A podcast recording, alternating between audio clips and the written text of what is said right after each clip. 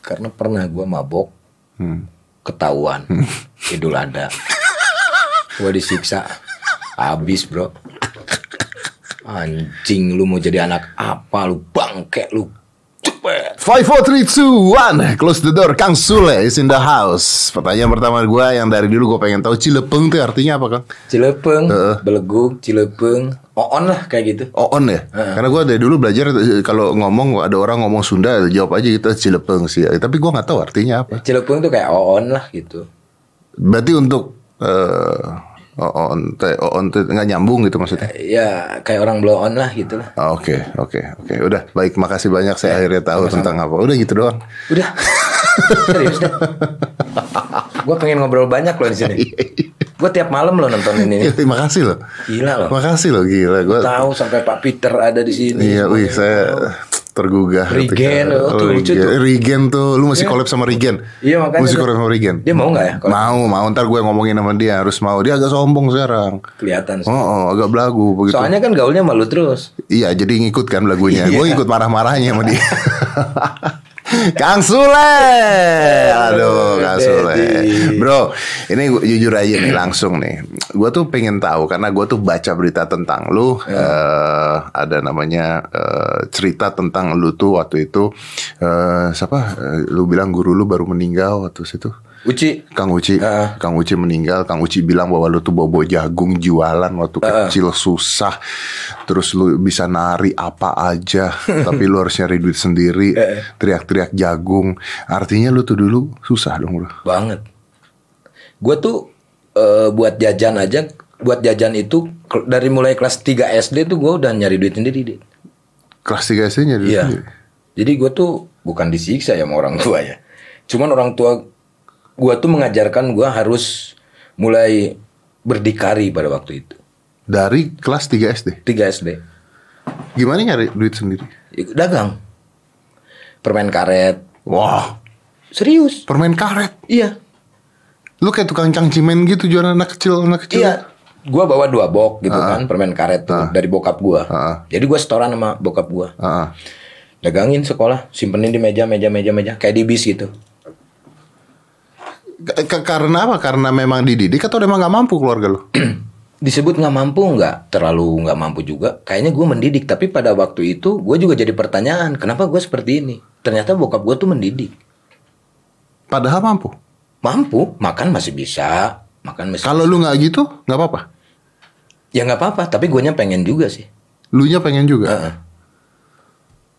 Oke. pengen membantu ya disebut eh cukup ya nggak cukup cukup banget lah gitu cuman bisa makan doang terus kan kayak gua tuh eh, di kampung tuh kadang-kadang ada yang beli sepeda dan yang lain-lain gua pengen gimana caranya kayak gitu Nggak aja. dibeliin dong. Nggak, Lu harus nyari duit sendiri. harus nyari duit sendiri walaupun dibeliin eh jadi bokap tuh beli Hah? beli harga tujuh puluh ribu Hah. misalkan beli dah pakai tuh seminggu udah hilang lagi Kenapa? Karena ada yang beli 100 ribu Itu bokap gue tuh No, lu bercanda sama gua. Serius Serius. Sumpah Jadi gue dapat ilmu secara tidak langsung gitu Untuk jual beli. Untuk jual beli Oh, wow. Itu gue sampai 5 sepeda tuh Dan waktu itu Lu bercanda lu. Loh Enggak ini beneran. Gue di sini nggak mau bercanda Jadi Gue mau serius Iya serius. Jadi sepeda kalau ada yang mau beli dijual lagi. Dijual Dan hilang Terus gue tanya Beh Mana nih sepeda Ada yang beli lumayan Untung 20 ribu Terus sepeda gue Tunggu seminggu lagi Dia cari lagi Dicari lagi. cari lagi ke loak terus dia benerin deh Oh. bokap gua Dia benerin buat dijual. Buat dijual. Sementara belum dijual, Iya. lu pakai aja dulu. pakai Gila. sebelum dia mampu untuk membelikan sepeda yang bagus untuk gua dan nggak mampu waktu itu Dan nggak mampu pada saat itu. iya Dan lu tuh jadi artinya lu tuh jalannya sebagai artis jalanan dulu. bisa dikatakan seperti itu karena gua udah ngamen Lu ngamen di jalanan. di ke kampung-kampung kayak apa ngamen kampung-kampung tuh gimana? Lu Ya. bawa grup. enggak gua bawa gitar yang gitar tuh eh, ponakan gua Heeh. main gitar gua nyanyi ke kampung Itu umur? itu SD Itu SD. kelas 5 kelas 6 Oh, sampai SMP. Lagunya gua waktu itu satu lagu itu terus. Lagu Ayah. Di mana Serius. akan ku cari itu deh. Buat cari duit. Ku cari duit Anjir gila keren loh ya. tiap hari itu gua. Itu kan SD. SD. Nah begitu lu itu belum di Jakarta. belum. Belum. Belum. Gue di kampung. Nah lu pindah Jakartanya? Gue nggak pindah ke Jakarta itu gue setelah gue masuk TV. Jadi sebelum itu lu belum pindah Jakarta. Belum. Gue udah di kampung aja udah. Bokap gue kan tukang bakso, Ded. Bokap lu tukang bakso. Tukang bakso. Tukang bakso apa nih? Bakso biasa Keliling. Iya, bokap keliling terus emak gue di eh di warung. Gila ya. Jadi yang bisa nungguin Gila belanja. ya. Kalau misalkan bokap gue sakit, kalau nggak ada gua nggak dagang. Karena yang tahu belanja bakso yang jadi gue tuh setiap hari pulang sekolah irisin bawang, terus ngadonin bakso, Gila beresin seledri dan yang lain-lain. Belum boleh main sebelum beres itu. Ke pasar. Gue dari kecil ke pasar dari SD. Nih beli ini di sini, beli ini di sini, di sini. Sampai gue kenal sama satu pasar itu. Dan gue kalau lu pasti bilang lu komedinya dari mana itu? Nah itu maksudnya pertanyaan gua adalah dari mana eh, lu begitu terus tiba-tiba berubah jadi seniman berubah jadi komedian padahal tukang bakso harusnya. Karena bo- bokap gue tuh kalau Israel mah tukang banyol, Ded. Jadi bercanda, Bercanda. tukang pasar bercanda, Oke. terus cerita-cerita anekdot sama eh, pelanggan-pelanggan sering bercanda. Jadi terus apresiasi itu dari Tapi lu pernah susah banget nggak? Pernah susah banget ya pernah lah ngalamin dulu waktu kecil. Waktu kecil? Waktu kecil nih SD SD itu? Mm-mm. Tapi ketika gua pas begitu SMP gitu, ya gua paling bisa makan doang. Cuman gua nggak bisa jalan, nggak bisa apa, jalan-jalan itu sama temen-temen. Gitu. Ya tapi lucu ya, maksudnya gini, gue juga waktu kecil tuh susah lah, sama keluarga gue juga susah. Tapi kalau lu inget-inget ya, ini menarik nih. Pada saat kita ada di saat itu, kita nggak merasa susah loh ya. Kayaknya ya memang hidup tuh begitu. Iya. Iya kan? Iya. Tapi kita diajarkan untuk bagaimana nggak susah. Iya. Jadi kita tuh berpikir terus gitu, Dad. Kayak gini, gua SMP nih ya, SMP eh gua adopsi cerita anekdot dari almarhum guru gua Uci, terus bokap gua dan yang lain-lain, cerita anekdot. Terus gua ceritain di sekolah. Ah. Cerita anekdot. So, tawa semua tuh. Ah. Tawa. Wah, seneng tuh. Besoknya nagih. Anekdot lagi dong. Jadi gua otomatis harus cari Nyari. apresiasi kan. Itu yang membuat gue tuh ke mana-mana jarang di rumah tuh itu. Nah, dapat anekdot lagi ceritain lagi. Ketiga kalinya gue berpikir ya. Bisa ini jadi duit bisa nih. jadi duit nih, gitu kan? Nah, anak-anak tuh perempuan kebanyakan. Le, eh, Tisna, udah kan Tisna kan, Tisna anekdot lagi dong. Oh, capek gue cari materinya juga susah, gue bilang. Kalau mau bayar dong, bayar tuh selawet-selawet. Itu tuh umur berapa? SMP. SMP. SMP lu nyari duit dari cerita komedi. Iya. Anjing. 25, 25, 25 perak tuh. Jadi gue bisa makan bakso, bisa makan enak.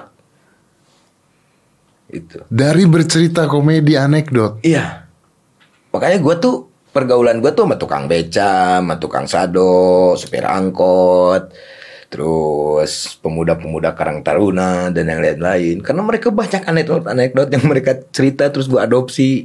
Nah ini bro, gue tuh eh, kemarin dengerin eh, adalah orang ngomong gitu ya. Jadi ceritanya tuh ada seorang komedian dulu. Eh, dia ini merasa bahwa dirinya itu sekarang tidak lucu. Jadi ini cerita nih cerita. gue dengar, gue lupa gue dengarnya di mana. Dia merasa nggak lucu. Terus dia ngomong sama temennya, "Kena- kok kenapa ya gue sekarang kok nggak selucu dulu ya? Terus dia mikir, dia ngomong ke temennya, mungkin nggak ya, gara-gara gue tuh sekarang rumahnya di Pondok Indah. gue tuh sekarang begini begini begini. Sedangkan dulu tuh gue ngumpulnya sama tukang beca, gue ngumpulnya sama apa. Iya. Jadi sehari-hari gue tuh beda banget sama dulu itu. Setuju. Itu tuh berarti lingkungan dong ya. Lingkungan. Ngaruh. Gue bisa punya cerita anekdot karena gue main ke mana-mana kumpul dengan orang-orang sambil main gapleh, cerita ketawa-ketawa, banyak anekdot, banyak kelucuan-kelucuan. Makanya makanya sampai sekarang akhirnya lu ngumpulin banyak seniman di rumah lu. Yes. Untuk mempertahankan hal itu. Karena kalau enggak lu udah nikmatin ini, lu kaya sendiri, lu punya rumah sendiri, habis ide lu udah pasti. Iya. Wah, wah. Itu banyak banyak kan ide-ide gue perhatiin oh ini gini nih lucunya nih ini nih nih. bisa jadi sebuah inspirasi Dan itu tidak mungkin dapat ketika lu nyaman. iya Nyaman banget kan? iya Wih seni banget itu ya. iya kayak seperti itu Iya loh ya menarik ya. Karena lingkungan mempengaruhi. Lucu-lucu tuh kan dari sana lagi main gaple ngatain-ngatain orang gitu Iya. kan. Ada orang lewat ini jadi komedi. banyak loh kelucuan-kelucuan di eh, keseharian dari anak gua dari pembantu terus dari karyawan teman-teman yang ada di situ Dan artinya lu harus peka melihat hal tersebut. iya iya oh, ini nih kadang gua kalau misalkan lagi ngobrol sama pembantu oh, ini gini ya terus muter otak gua tuh muter oh ini kalau diginiin gini nih gini nih oke juga nih gitu Iya iya iya. iya. Karena gue nggak gue nggak selucu di TV itu kalau di rumah. Lu malah tinker kan. Iya. Lu berpikir kan. Terus gue liatin, kadang-kadang lah. Berarti lu tuh observer ya. Mengobservasi. Iya. Bener.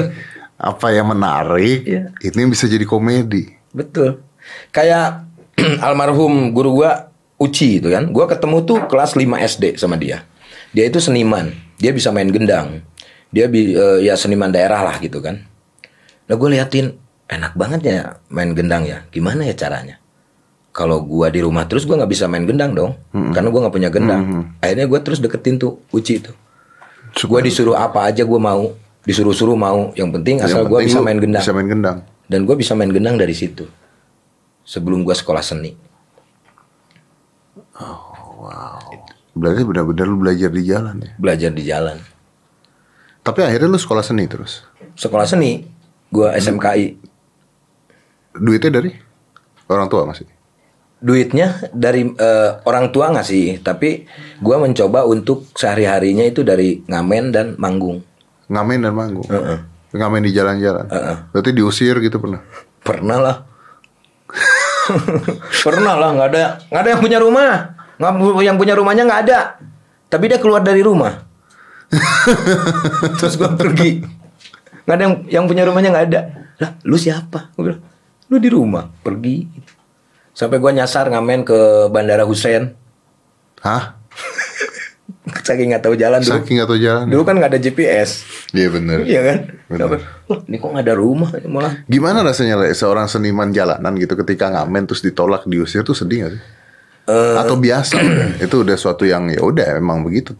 Eh, karena gue diajarkan sama orang tua gue ya seperti itu dan artinya ya nggak perlu kita sedih yang penting lu terus berusaha dan lu nggak nyolong lu nggak nyakitin orang lain kalau lu disakitin dengan lu udah capek-capek nyanyi terus nggak dikasih duit terus lu sedih ya jangan berharap kamu jadi orang sukses mental berarti Mental berarti. iya Dan lu nyangka gak sih sampai kayak begini sekarang? gue nyangka Lu nyangka?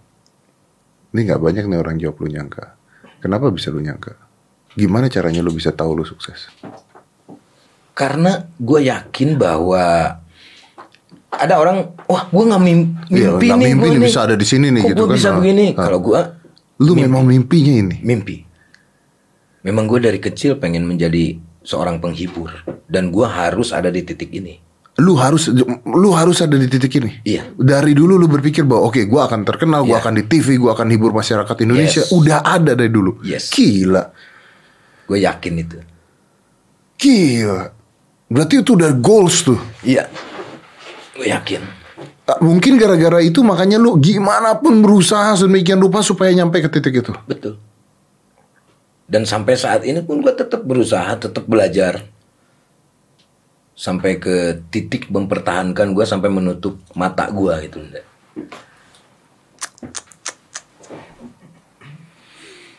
Orang tua lu nggak nyangka kali. Hmm, orang tua ya ada sedikit nggak nyangka, ada sedikit nyangka juga, yakin juga karena gue diajarin sama orang tua ilmu yakin. Kalau lu yakin pasti ada jalannya. Itu. Terutama bokap ya, Hah. bokap. Jadi lu, kalau lu mau berusaha, terus pelajari. Jangan malas belajar. Itu Padahal bokap gue tuh galak banget dan Bokap lu galak dalam hal ngajarin? Atau galak aja udah? ya galak. Ya dalam hal kalau gue membuat sebuah kesalahan, gue berantem misalkan, yang salah tuh temen gue, Tetap lu ini gaplok. tapi yang disiksa gue. Gue tuh disiksa sampai pakai Rotan. rotan, sapu lidi, Iya, terus pakai lu nggak ngalamin nggak lu pakai sarung, sarung dibikin buntut monyet, terus ujungnya batu. Oh, mau. Serius? Masa gue bohong? Tanyain nyokap gue masih ada tuh. Dan lu nggak dendam? Waktu itu dendam. Mati itu dendam. Makanya gue keluar rumah sampai gue nggak pernah pulang tiga bulan sekali, empat bulan sekali. Hah. Dan gue hidup di jalan. Di situlah mental gue digodok. Gue harus nyari makan sendiri.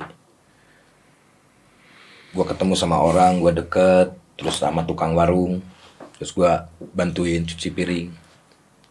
Buat cuman buat makan. Sedih ceritanya gue tuh. Gitu. Gue disiksa mulu lah bokap gue. Mending keluar. Iya. Waktu itu dendam, kenapa sekarang lu bisa bilang waktu itu dendam? Artinya sekarang lu ngerasa bahwa itu harus. Dulu nggak kepikir. Kalau itu adalah modal. mengajarkan gue yang baik-baik sebetulnya. Dan emosi kita kan Iya, kadang-kadang kan iya, tahu kan. iya, benar, benar, benar. Itu nggak tahu loh. Nah, gue pas kepikir itu pas ketika gue menjadi sesuatu baru, Dih, ini nih Kalau nggak ada itu lu nggak jadi sesuatu. nggak mungkin. Dan gue nggak liar dong. Pemikiran otak gue nggak bakalan liar, Iya. nggak sekreatif apa kalau kita ada di rumah terus. Iya karena lu harus survive kan. Iya. Lu harus bertahan, lu harus sukses. Gimana caranya lu nyari duit? Iya. Apa pun lu harus lakuin bisa jadi. Gitu. Dan gue dicuekin sama bokap gue. Biarin aja. Ngapain dicari? Biar dia usaha. Biar dia mikir. Emang mau sama gue terus dia hidup. Dia sendiri ntar. Bokap gue tuh. Itu ya orang-orang zaman dulu tuh begitu tuh. Iya makanya gue tuh. Bokap gue tuh bebas. Dia di rumah mau mau ngomong apa. Anjing lu ah. Gitu kayak begitu. Lu bebas sama gue tuh. Toyor-toyoran. Sama kayak gue sama Iki tuh. Tapi kalau marah-marah gitu. Tapi kalau marah gue takut.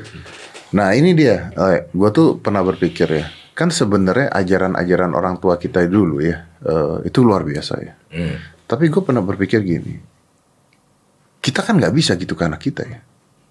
Iya. Nah, ya kan? Iya juga. Iya, kan? nggak mungkin lah. Iki salah lu gaplok gitu, lu Nggak. pakai, lu pukul rotan kan nggak mungkin kan. Nah anak kita belajar dari mana ya? Akhirnya kita menimbulkan generasi-generasi yang tidak tahan banting nggak sih sebenarnya? Tapi dari sisi verbal bisa dong ngobrol tentang pengalaman kita, masalah mental dan yang lain-lain. Tapi kan dia tidak pernah merasakan susahnya hidup tuh kan nggak pernah ngerasain dong. Anak gua nggak pernah ngerasain, anak lu nggak pernah ngerasain.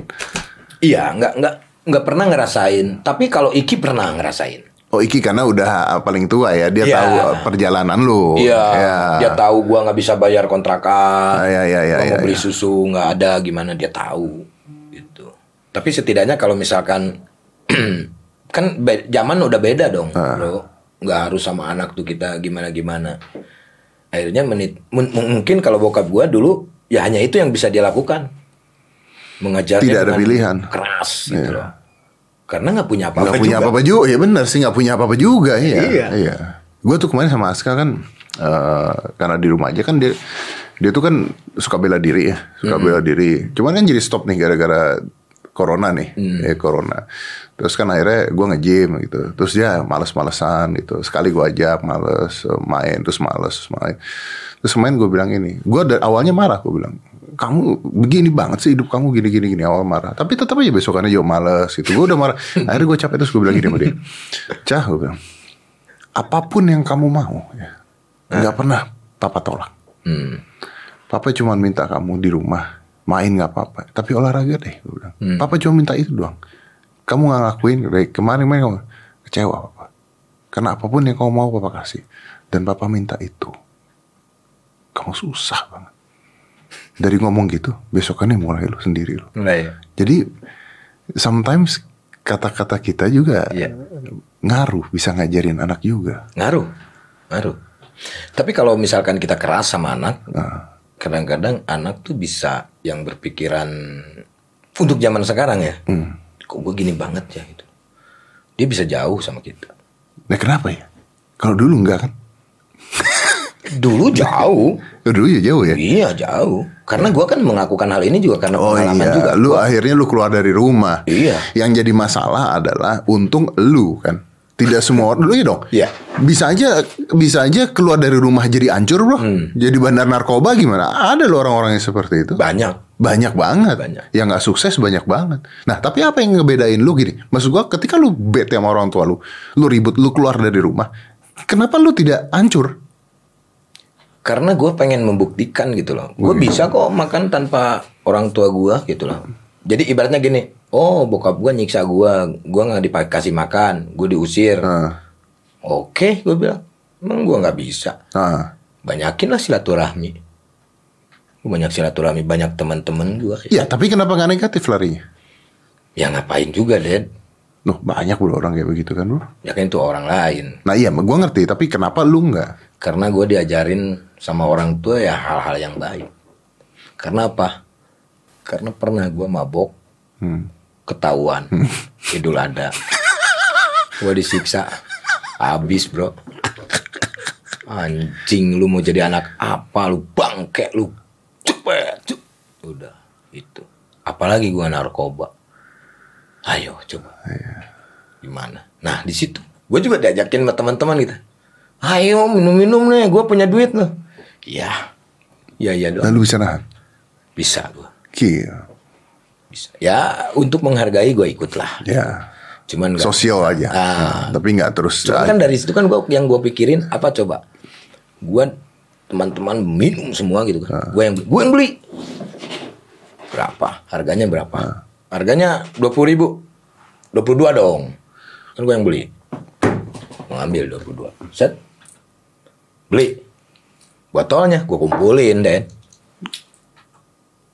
Lu gila. nyangka orang baik kan? Gila baik banget nih Sule ini. Ini udah gue beresin. Gue simpen, gue kumpulin. Banyak banget itu Lu batu. jual lagi. Jual tukang rongsokan. Situ gue bisa makan. Gue minumnya cuma satu sloki. Berarti otak Gue pura-pura. Gue udah, gue udah kuat nih. Brek. Berarti otak lu bisnis tuh di sana. Gara-gara bapak lu beli sepeda dibenerin dijual lagi. Iya. Dari situ gue. Jual lagi. Gue sampai kalau misalkan siang. Udah nggak. Eh, nggak mabok lu. Mabok dong. Yeah. Ini ini menarik banget ya. Artinya seseorang bisa ada di lingkungan negatif tapi dianya tidak ikut diwarnain sama lingkungan itu ya. nggak terlalu. Walaupun kita ikut gitu. Tapi nggak terlalu. Iya, nggak nggak kecemplung abis gitu Iya. kan. Alhamdulillah. Nah gimana caranya lu bisa kontrol anak-anak lu sekarang? Apalagi Iki, gue ketemu Iki, gue pernah cerita sama lu, gue ketemu Iki di bandara eh, lagi terbang pesawat kan dia udah sendiri kan, udah tanpa lu, Iya. ya kan? Gimana lu lu bisa ngontrol eh, Iki atau anak lu yang cewek, kalau yang satu lagi masih kemudaan lah ya, bahwa mereka eh, bisa ada di jalan yang eh, benar tanpa keras gitu ngajarnya. Selama ini eh gua anggap mereka benar. Dan Iki tuh sopan banget loh. Iki Karena tuh sopan banget. seperti itu. Iki tuh sopan banget. Waktu dia ketemu gue tuh dia sopan banget. Gua gini, Bro. Bro, lu sama gua lu boleh, lu mau anjing-anjingan, Usaha sama gue. Terus, terus, lu mau apa kek, Terus, silahkan. iya. Tapi sama orang lain lu harus hormat. Nih, kunci bener. Gue seperti itu. Karena gua nggak ngalamin kayak kayak posisi lu sekarang gitu kan yang berbeda zamannya gitu. Gue nggak keras bisa dikatakan sama Iki. Cuman gue, bro, tuh hati-hati loh, jangan sampai gini ya. Insya Allah ya, udah. Dan dia ngerti.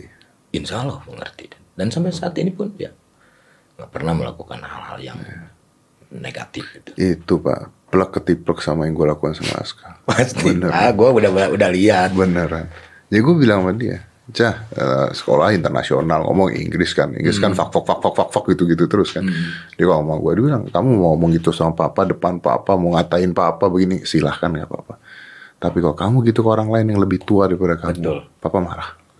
Karena gue di gini, kalau papa nggak bakalan sakit hati nak. Nah itu, Tapi kalau kamu sama orang lain, kamu nggak tahu dia sakit hati atau tidak. Jaga lidah kamu. Kalau sama papa, silakan. Kalau kamu pengen seperti itu, ungkapkan semuanya. Semua anak gue Rizwan. Rizwan tuh udah kayak teman banget bro. Gue pulang, anjing baru pulang nih. Gimana coba? Ada orang tua yang begitu diam aja. Gua doang. Iya. Gua nggak ada harganya. dia udah biasa gitu. Tapi dia bisa menahan Dia hal itu bisa ketika- tahu ketika dia ada di publik. Ah, Iya. di tempat orang lain. Dan ketika ada orang lain, ada publik atau di luar dia nggak akan gitu ke lu gitu. Jadi dia akhirnya tahu, Tahu. momennya kapan harus begitu dan boleh begitu. Iya. Tapi kalau di ke- keceplosan kalau di jalan keceplosan hmm, gitu. dia. Kalau di tempat orang banyak Iya, iya, di iya. tempat. Iya, iya. Tapi kalau misalkan di tempat bokap gua kan rame, semuanya kan tahu. Iya. Ya, di situ mah udah bebas. Keluarga bebas kayaknya gua. Iya menarik ya bisa kayak begitu ya Iya. sekarang. ya. Gua gitu. Yang penting gua bisa ketemu terus meluk. Ya, bro, kerja dulu. Oke, Ya udah dia masing-masing kegiatan masing-masing. Nah. gitu. Ikin juga ini lagi di rumah. Dia Tapi lu kehilangan gak sih? Iki? enggak. Enggak ya? Oh karena lu masih ada yang lain. Hmm, bukan karena ada yang lain. Gue gini deh. gue sempat sedih ya. Nah itu maksud gue ya, gitu. Iki baru 20 tahun dia udah ninggalin gua gitu ya. Nah Sebelum gua ingat flashback ke pengalaman gua dulu. Lah, gua ninggalin bokap sama nyokap gua dari SMP. Gitu. Akhirnya karma ini. Itu yang bisa membuat gua Ya udah lah ya. udahlah gitu kan yang penting masih komunikasi dan yang lain-lain. ya, tapi sedih mah sedih dong bro. Ada, kalau sedih mah ada. Gue bisa nangis bro di Iya kan? kamar. Iya. Iya. Itu kan yang anak kita nggak pernah tahu kan bro. Iya. Gak usah gitu bro. Aska zamannya Aska kalau ke sekolah digandeng terus tiba-tiba nggak mau digandeng itu Iya. kan hati sakit ya. Iya. Iya kan. Gila dulu digandeng dulu gini sekarang digandeng kok dilihat temennya dilepas gitu kan. Iya. kan. Tapi gue gini ya, kadang-kadang Iki tuh dari zaman kecil itu dia kalau di sini ya anak pelawak, anak pelawak gitu. Dia suka nangis, suka nangis gitu kan. Yang nggak berani gitu. Ini pada saat lu belum terkenal. eh se- eh, belum terlalu terkenal, Oke. tapi gue udah udah di TV nasional waktu itu, Oke. karena ikutan audisi waktu itu kan, nangis nangis gitu. Sempet dia tuh kok bokap gua gini ya diketawain orang itu.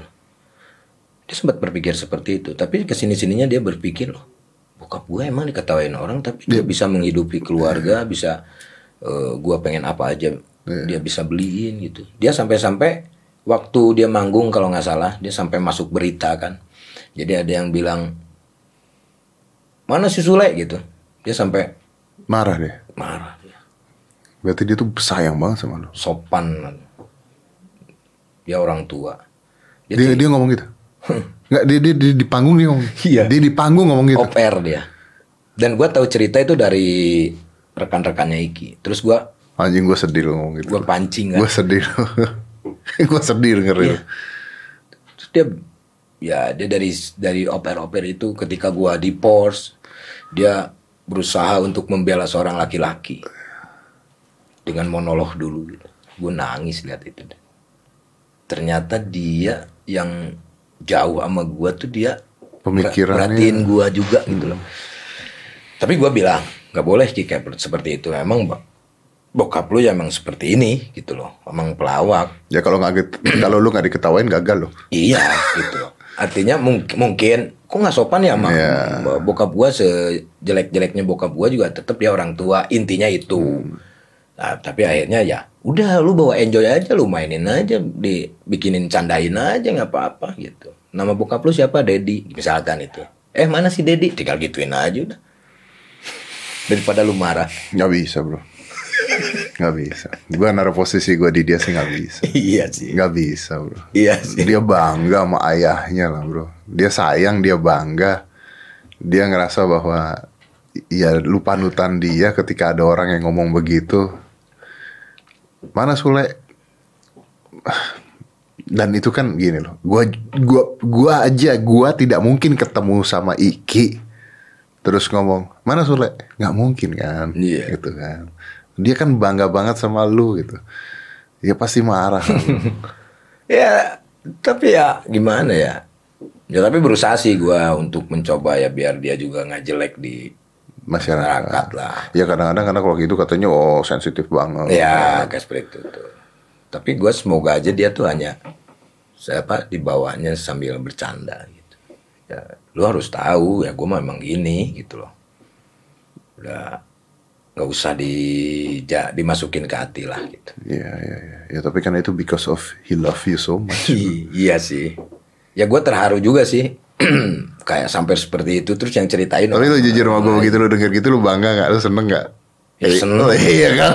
Gua mau nangis deh. iya kan? Begitu anak lu ngomong gitu kan gila. Iya. Kayak Putri misalkan kan yang kelihatan kayak yang nggak deket tapi kayak di sosial media terus dia misalkan dia lagi pacaran itu kan. Eh Putri bucin nih terus Putri balas lagi kan di instastorynya. Ya dong. Siapa dulu ayahnya? Ayah juga lagi bucin. Nah, dijadikan komedi. Iya. Kayak seperti itu gitu. Itu kan seneng banget sama gue gitu. Ibaratnya akrab banget gitu loh gue. Iya, iya, iya. Tapi anak tuh Lah, lu tahu nggak gue tuh pernah bermasalah sama anaknya Uya. Kenapa? Jadi ya mungkin mungkin karena gue dan Uyanya yang salah juga, guanya salah, Uyanya juga salah. Jadi gue tuh suka ceng-cengan sama Uya. Hmm. Jadi dari dulu tuh kalau gue ceng-cengin dia tuh ya memang udah saling tahu aja, suka ceng-cengan aja gitu. Terus kadang-kadang di acara hitam putih kan juga kan gue bilang "Eh, mana tuh eh, masuk aja ke acara Uya ada alay sekalian gitu. Gue suka ngomong kayak begitu kan gitu kan. Padahal gue sama Uyanya deket karena studionya juga depan-depanan gitu. Cintanya benci sama gue. Kenapa? Karena menurut dia gue menghina bapaknya. Jadi jadi Oke oke gue paham. Lu ngerti nggak? Jadi ini Uya yang cerita dan akhirnya cintanya ketemu gue. Cintanya ketemu gue eh, nangis pada saat itu. Jadi satu saat eh Uyanya tuh nelpon gue. Gitu. Nelpon gue. Tiba-tiba kalau nggak salah gue lupa ceritanya. Si cintanya bete banget. Terus bentar ya, bentar taruh gitu. Terus dia ngomong, kenapa ya? Kenapa cinta? Nggak suka sama Om Deddy. Ngatain papa begini, gini, gini, gini. Kurang ajar nggak sopan sama papa. Sambil nangis cintanya tuh nangis banget itu. Terus Uyanya bilang Uyanya bilang sama cinta ah cinta papa nggak ada apa-apa sama Deddy ini bercandaan semua. Nggak begini gini gini gini sampai akhirnya diterangin sampai apa sampai akhirnya gua ketemu sama cintanya sampai cinta kita tuh bercandaan begini gini akhirnya ya sekarang ketawa ketiwi gitu sekarang malah deket sama anak gue. Iya. cintanya malah deket sama anak gue. Sampai Ketemu- lo kena prank ya? Iya, sampai gue kena prank. Nah, tapi yang gue pelajari adalah gue bilang mau ya, ya tapi dari sini artinya ya ini menarik loh. Kadang-kadang kita nggak nyadar tapi anak kita tuh sensitif loh tentang hal seperti ini. Pasti deh. sensitif loh. Ya kayak gue aja yang gue pernah diusir, gue pernah disiksa. Ketika bokap gue ada yang mukulin, gue yang maju duluan. Ya kan? Gue pukulin lagi bokap gue.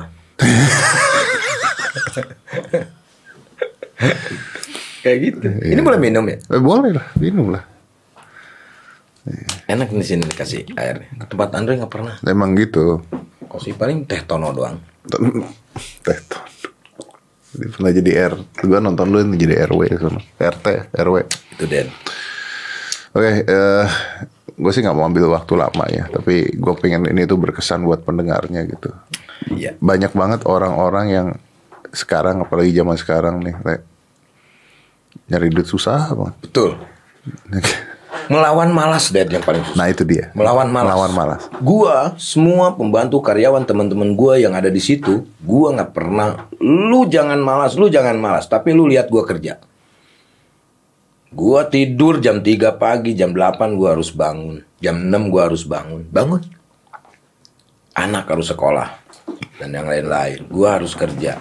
Habis itu gua eh, apa namanya bikin konten YouTube dan yang lain. Gue perlihatkan aja sama mereka. Karena susah juga kalau dikasih tahu juga. Dan Percuma. percuma disiplin waktu gitu.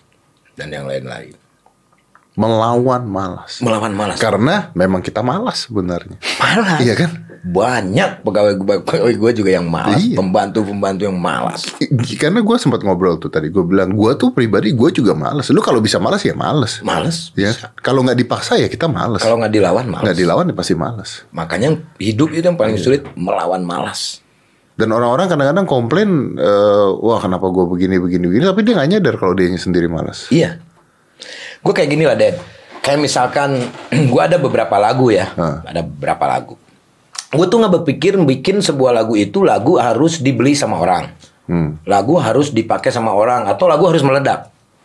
Gue kapan pun berkarya, hampir setiap hari, setiap malam, mau bagus mau enggak rekam, rekam, rekam.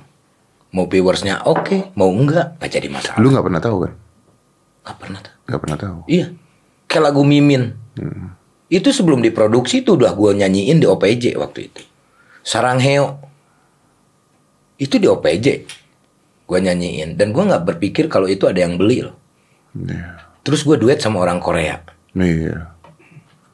Iya. Nobody know ya. Smile You Don't Cry dan yang lain. Oh, gue nothing tulus aja. Gue nggak berpikir itu akan menjadi duit.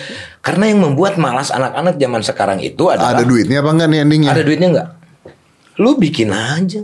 Itu yang gue didik sama kayak Yujeng, Ajun dan yang lain-lain yang ada di rumah gua. Lu berkarya aja jangan mikirin duit. Duit lu nggak ada duit masih ada gua kok gitu. Tapi lu punya karya. Suatu saat karya lu akan dilihat. Iya benar. Gue juga nggak nyangka loh, Dad. Lagu Mimin bisa dibayar mahal. Iya benar. Gue nggak mikir dulu. Lu lagu begini, cuman main-main doang. Bener sih, bener. Gue setuju. Sama lah kayak gue ketika bikin podcast ini gitu ya. Gue ketika bikin awal gitu. Apa ada orang mau dengerin orang ngomong sejam? Yang penting lu berkarya kan. Ya itu gue buat aja udah terus. Buat aja bodo amat. Ada yang nonton, gak ada yang nonton. Lama-lama tiba-tiba meledak gitu aja udah tiba-tiba. Bisa belasan juta yang nonton kan gitu. Gitu. Tapi ketika lu berpikir udah di awal udah mikir nih ada duitnya apa enggak nih nanti gimana dan sebagainya. Maju mundur, Maju mundur nggak jalan-jalan. Maju mundur. Ah, kalau nggak meledak gimana ya? Ah, kalau nggak ada yang suka gimana ya? Nggak jadi-jadi. Makanya gue bikin aja. Gagal ya gagal. Ya gagal gagal, nggak jadi masalah. Bener nggak? Gagal gagal, banyak lagu. Karena hidup lu dari kecil sudah sering mengalami kegagalan.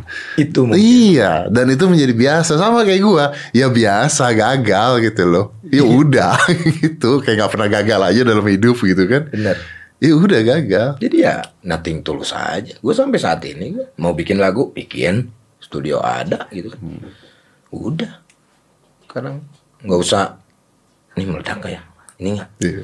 Enggak. Jadi gue ini gue ceritain benar. Tapi pada saat gue bikin ini, bikin studio ini doang nih, kan sebenarnya studio ini tuh termasuk mahal pak. Ini nih studio ini. Mahal, Ded. Gara-gara gara-gara apa? Suara harus kedap. Jadi kan atap dibenerin lagi ya. Kompleknya kan Bener. Jadi suara harus kedap, di sini harus kedap. Peralatan apa segala. Pokoknya mahal lah gitu.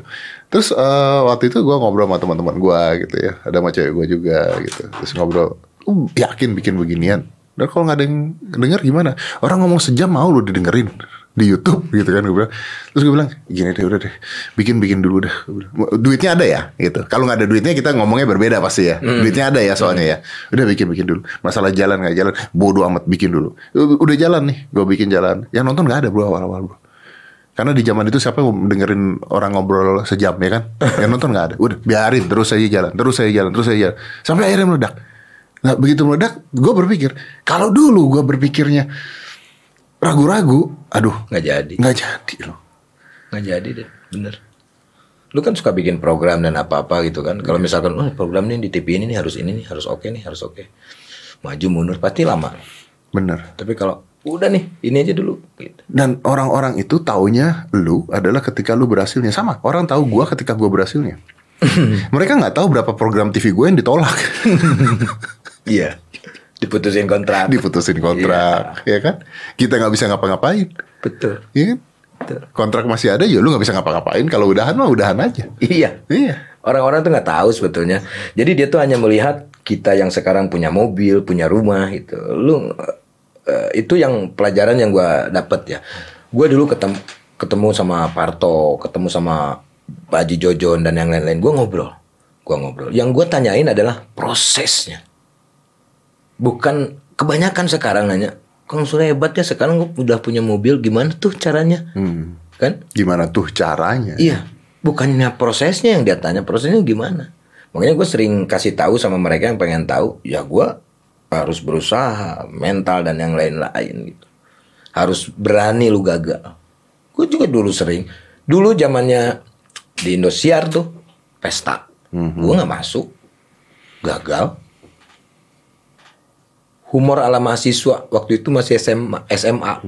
Kita nipu tuh bikin nip eh, nomor induk mahasiswa. Gua ikutan gagal. Gagal. Yang menang untung Blangkon. Terus si Denny Cagur tuh kan ketiga. Kontrak sama RCTI. Dan lu gagal. Kagak.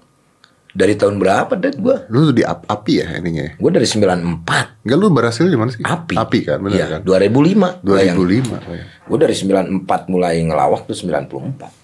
Ikutan lomba ini gagal, ini lomba ini gagal. Ada yang juara juga, ada yang enggak juga. Tapi kan orang nggak ngeliat ini kan, bro. Nggak lihat, Orang nggak lihat. nggak lihat. Tiba-tiba enak, hokinya bagusnya Sule ya. Tiba-tiba naik. Hokinya bagus.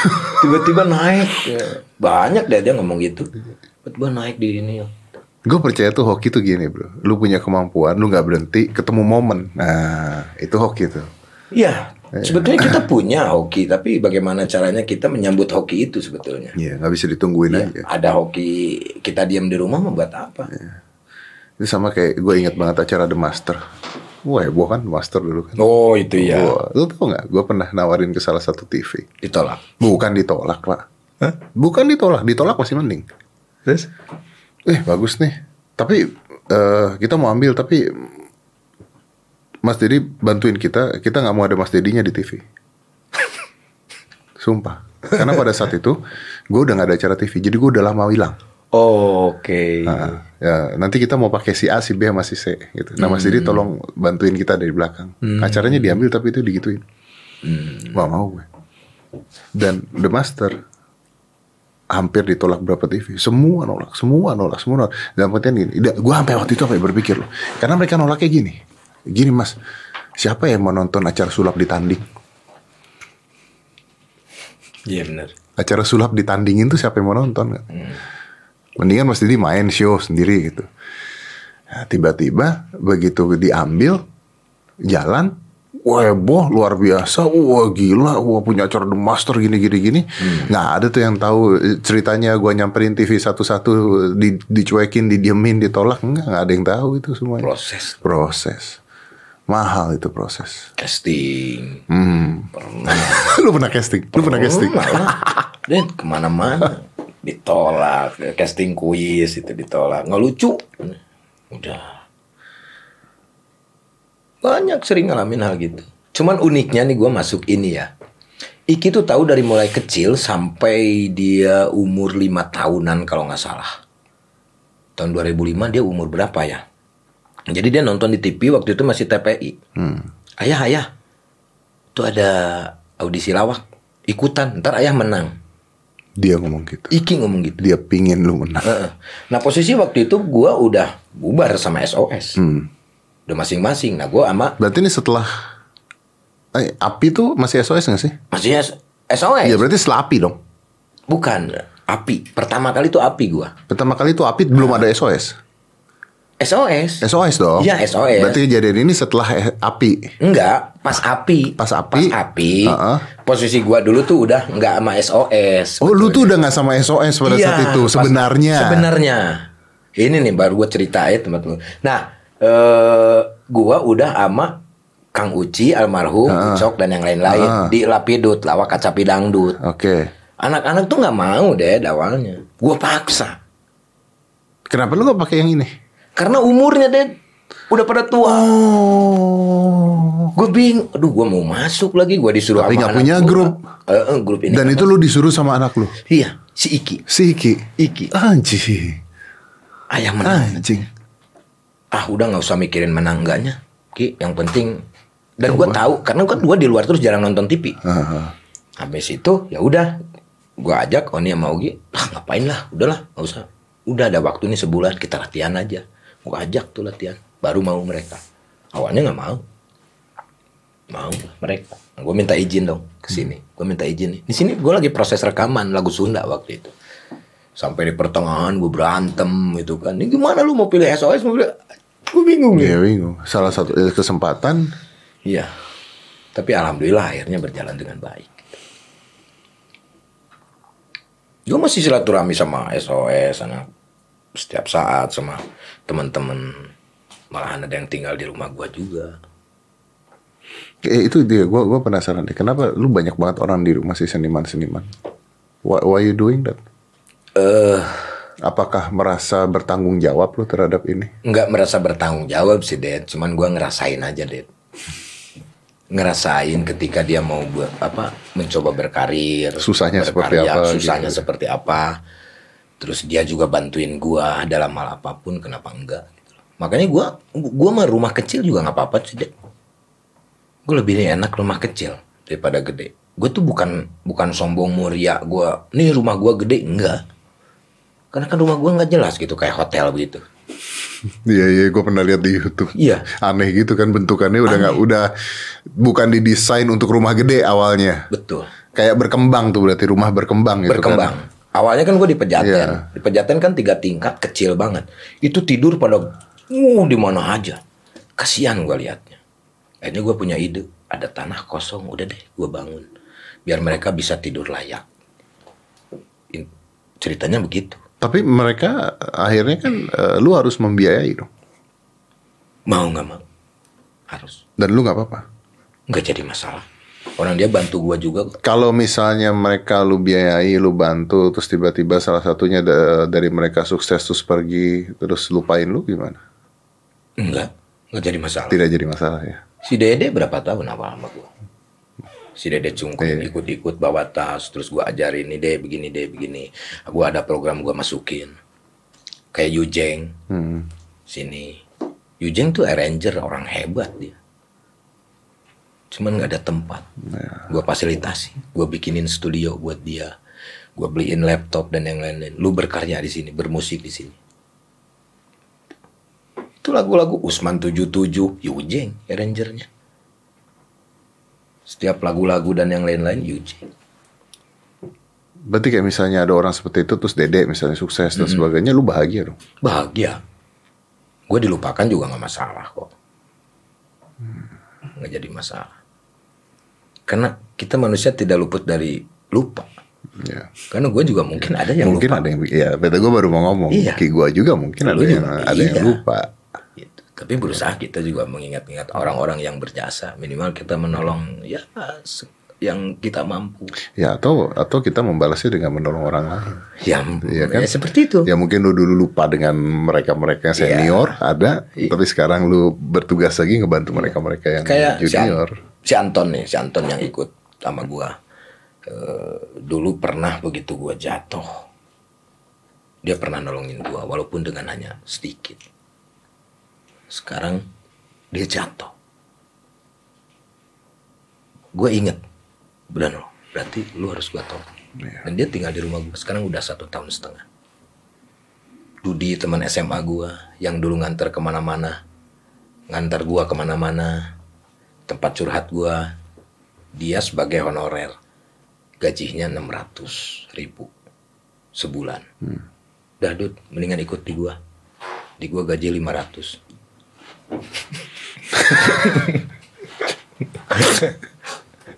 Nggak terlalu serius lah dia. Gitu. Tinggal sekarang udah sampai mau 3-4 tahun. Le, tapi artinya satu saat lu nikah punya bini lagi, Hmm. bini lu harus ngerti loh tentang ini. Kalau nggak sih bisa berantem, Oh iya, ya kan? Iya. Nggak mudah loh cari cewek yang karena mereka gila duit lu buat begini-begini kan. Iya, harus mengerti. Dan Harus gue cerita, gue cerita, gue orangnya seperti ini. Kalau lu mau ayo, kalau enggak ya udah, Karena lu nggak bisa ninggalin itu ya. nggak bisa, nggak bisa. An- Adik gue tinggal di rumah gue sama suaminya, suaminya kerja. Udah lu beres-beres apa aja deh, gue gaji per bulan. Anaknya gue sekolahin. Udah. Makanya itu yang menjadi, nih kalau gue punya yang baru bener apa yang lu katakan. Tapi gue udah mempersiapkan hal itu. Gue seperti ini, di rumah gue banyak orang. Gue harus membiayain orang, saudara gue dan yang lain-lain. Mau-mau nggak? Kalau lu mau, ayo. Enggak. Udah. Nggak gampang nyari cewek gitu bro. Enggak gampang. Tapi ada. Ya, Gua ada pasti. Tapi yakin. nggak gampang. Lu, bro gini loh. Pernikahan tuh kan bukan kita ya bukan kita. Pernikahan tuh kan kadang-kadang kita mau bantu orang tua aja bini bisa marah kan. Ada yang begitu kan? Yes. Iya. Bantu orang tua aja bini bisa marah. Gimana ya belajar belajar agamanya? Karena kan kalau misalkan istri, seorang istri memberi kepada keluarganya harus seizin Suaminya. suaminya. Tapi kalau suami mau ngasih orang tua tanpa seizin istri nggak jadi masalah. Ada kok tanya Miftah. Iya. Tapi ini yang terjadi malah Terjadi seperti itu. itu. Kenapa? Karena perempuan selalu benar. Iya. Udah kapan nikah? Ya, Belum ada. cepatnya lah. Tapi udah ada dong. Udah lah. Kalau gua baca udah ada perempuan yang benar-benar mengerti tentang lu.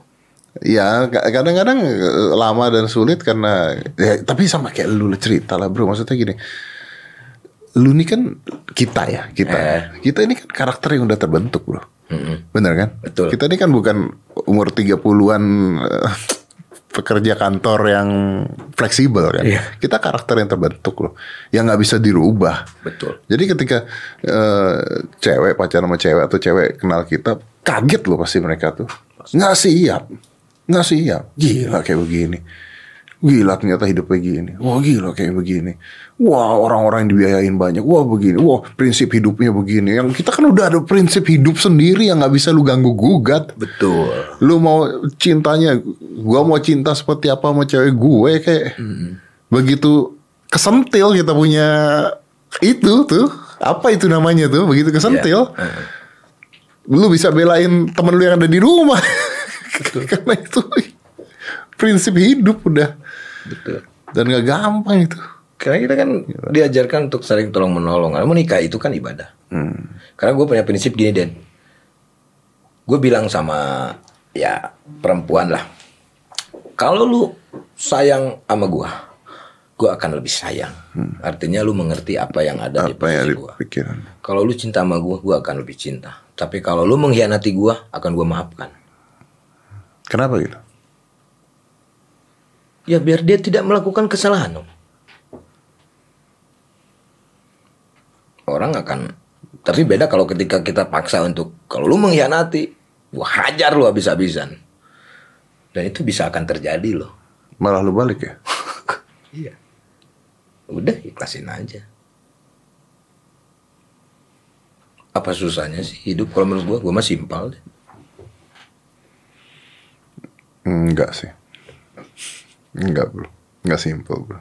Gue membayangkan kalau ada perempuan deketin lu dan sebagainya dengan hidup lu yang seperti ini, pengalaman hidup lu, Iya. cerita hidup lu, Iya.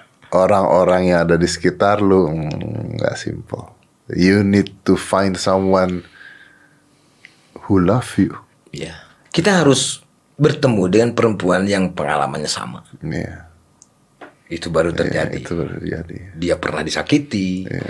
dia pernah hidup susah, Dia tahu. dia tahu, bagaimana rasanya susah. Jadi nggak ini nggak spoil, spoil tuh apa nggak manja dengan Iya. itu semua. Karena sedikit orang istri-istri yang wah di luar begini begini, wah uang suami dia habis-habisin dan yang lain-lain. Apalagi zaman sekarang, deh. sosial media dan Oh, gimana coba? Lalu gue tuh harus harus harus ketemu dan gue pasti akan ketemu dengan orang yang sama pengalamannya sama gue dan itu akan saling mengerti.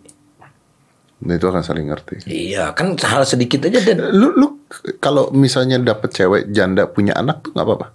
nggak jadi masalah. Nggak jadi masalah ya. Jadi masalah. Yang penting lu klop dengan pemikiran dia ya. Yang penting seiman, Hmm, seiman, klop, eh, lu tahu. Justru kalau misalkan dia punya anak, dia akan Tahu bagaimana. bagaimana caranya. Kalau dia nggak sayang sama anak gua, Hmm. gimana gua sayang sama anak lu? Kan ibaratnya gitu. Iya, iya, iya. Nggak jadi masalah kalau bagi gua. Ntar juga anak gede kok, dia pergi juga sendiri, Iya, kerja juga emang sendiri. sih. Tapi kan yang paling yang paling kita pengenin itu Dad ketika kita lu pasti ngalamin lah sendiri jadi pengen kopi gue di atas sendiri ya kan pembantu udah tidur pagi-pagi udah mau kerja kalau ada bini kan tinggal nyenggol kopi deh Gitu. Iya, iya. tapi nggak sedikit juga kan ada yang bini kopi nah lagi tidur ganggu mulu nggak sedikit Nggak, banyak bro. Iya. Bukan nggak sedikit lagi banyak. Tapi makanya tadi kalau misalkan kita bertemu dengan orang yang sama perasaannya sama gua gitu. Dia tahu. Dia tahu. Dia tahu. tahu. Apalagi dia mau mempelajari tentang agama dan yang lain-lain pasti dia tahu. Dan gua pasti dapet deh. Iya. Cuman waktunya aja. Karena kan gua memakai ilmu yakin. Oh iya benar. Gua benar, yakin ya. benar. Benar. Tapi nggak tahu kapannya. benar. Yang penting yakin dulu. Iya. Yakin. Bisa ketemu besok jadi gitu kan ibaratnya. Gitu.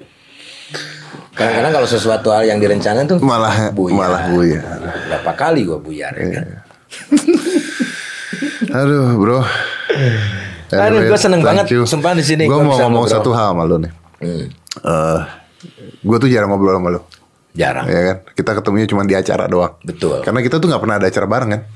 Jarang. Nggak pernah lah. Pernah lu paling ketemu Bintang tamu, bintang tamu kan? Tamu. Bintang Gua program ini lu ada pasti. Ya, lu, lu ada, lu ada gitu ya. Tapi, jadi kita tuh, gua tuh nggak pernah ngobrol bareng sama Kang Sule. Cuman gua tahu aja Kang Sule gini. Terus eh, namanya orang pasti pernah, lu pasti pernah dengar negatifnya gua, gua dengar negatifnya lu. Udah biasa seperti itu.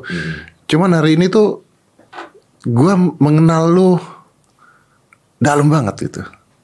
Gua salut banget itu. Gua melihat lu adalah seorang ayah yang berhasil gitu, seorang ayah yang berhasil membanggakan anak-anaknya.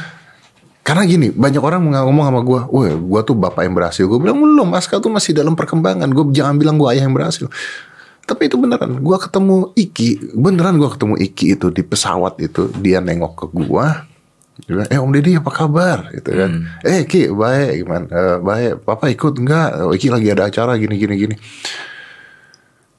itu luar biasa. Itu luar biasa. I- dari gue menilai Iki dari sana. Bukan dari dia berapa kali sih jadi bintang tamu Ya. talk show gue kan gitu Ya. kan. Tapi gue menilai Iki dari sana. Oh ini anak sopan, ini anak luar biasa, pinter, sopan. Di rumah bisa anjing-anjingan sama bapaknya. Dia tahu menaruh posisinya. Terus ketika gue ngobrol sama lu, gue ngeliat perjuangan lu yang eh gue kayak kenal lu udah bertahun-tahun gitu ya. Yang selama ini kan kalau kita ketemu ceng-cengan doang gitu Iya. kan maksudnya kan di acara ceng-cengan doang gitu ya. Tadi juga di luar gue juga gue juga jarang banget gue tuh nggak pernah share cerita-cerita pribadi gue gue juga share ke dia gitu Iya. ternyata kita tuh hampir-hampir sama sama. Gitu. sama Dan. sama karena itulah eh, apa eh, proses proses apa pun itu proses gue mau gue mau mengenal lu lebih dalam tuh sebetulnya dari dulu ya tapi tidak bisa kan? Perlu proses Perlu gitu. proses, dan ada waktunya dan sekarang kan waktunya. Tapi gue kembali ke ilmu yakin gue yakin bisa. Dan sekarang alhamdulillah. Mungkin tidak hanya sampai sekarang kita bisa Ya, mungkin dari sini ya bisa nextnya ya. terusnya nextnya kita bisa membuat sesuatu untuk pemirsa kan? Gue salut sama lu. Gue juga sama Gue salut sama lu. Luar biasa. Sule Kang Sule luar biasa.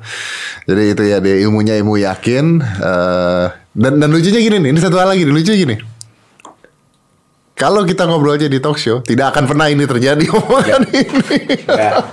Habis sama sponsor. Waktunya habis sama sponsor. Waktunya habis sama sponsor Iya.